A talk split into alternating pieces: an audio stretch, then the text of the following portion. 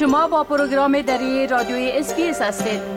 گزارشات عالی را در sbs.com.au دری پیدا کنید.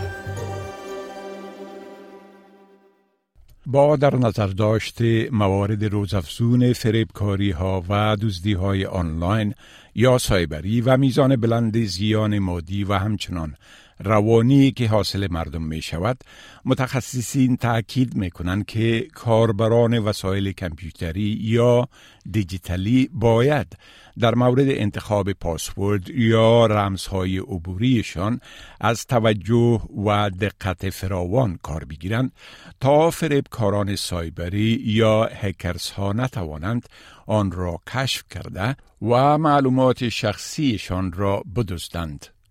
استرالیایی ها از آغاز سال جاری میلادی تا ماه اپریل 194 میلیون دلار را به خاطر فریبکاری ها و کلاهبرداری های سایبری از دست دادند.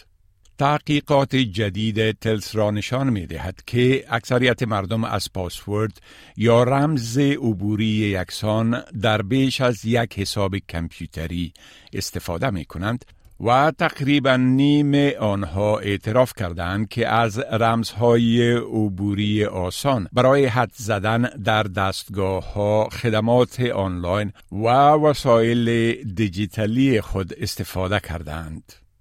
متخصصین و مقامات از استرالیایی ها می خواهند که در مورد پاسورد ها و رمزهای عبوری که انتخاب می کنند از دقت کار بگیرند چون تحقیقات جدید نشان داده که استرالیایی ها در اجراعات و معاملات آنلاینشان از خود به صورت مناسب محافظت نمی کنند. درن پاولی متخصص امنیت سایبری یا اینترنتی ایتلسترا است. او حین ارائه توضیحات در مورد تحقیقات جدید پیرامون روش استرالیایی ها می گوید که یافته های این تحقیقات واضح ساخته که اکثر مردم استرالیا از پاسورد های استفاده می کنند که حدس زدنشان بسیار آسان است و آنها باید در این رابطه از توجه بیشتر کار بگیرند. Telstra has commissioned new research to better help our customers and the broader community to stay safe online. The research shows that Aussies really need to pick up their password game. The biggest finding is that most of us choose easy to guess passwords or use the same password across multiple accounts, which is super dangerous. Our research found that about three quarters of Aussies are using the same password across more than one account. That's called password reuse.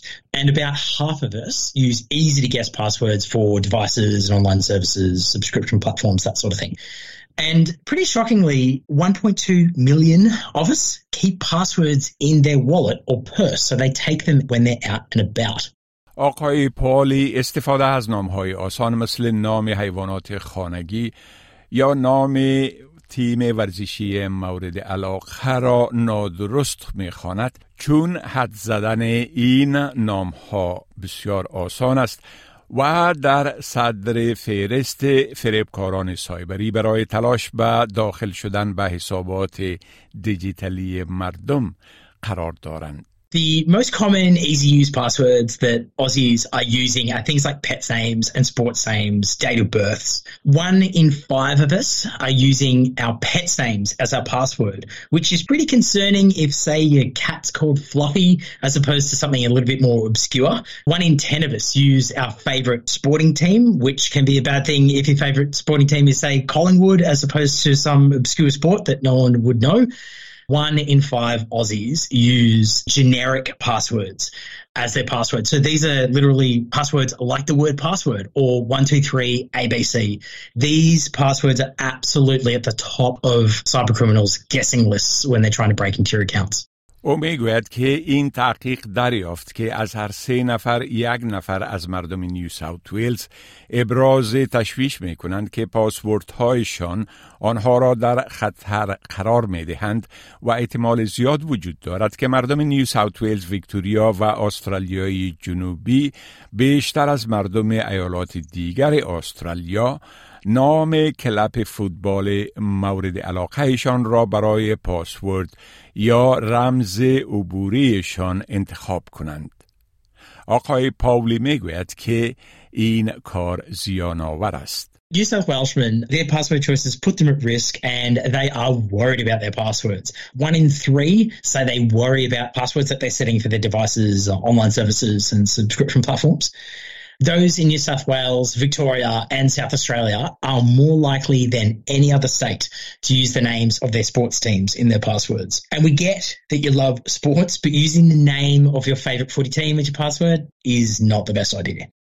آقای پاولی توصیه می کند که پاسوردتان را خط مقدم دفاعتان بدانید و از بکاربرد پاسورد هایی که با آسانی حد زده شده بتوانند خودداری کنید و نباید دست برد زدن به معلومات شخصیتان را برای دزدان سایبری آسان بسازید.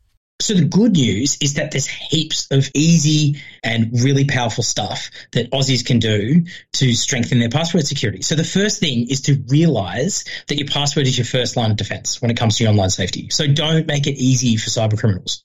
Use a passphrase three or four words with the usual sort of uppercase and spacing that you would use when writing a sentence. That makes a fantastic password.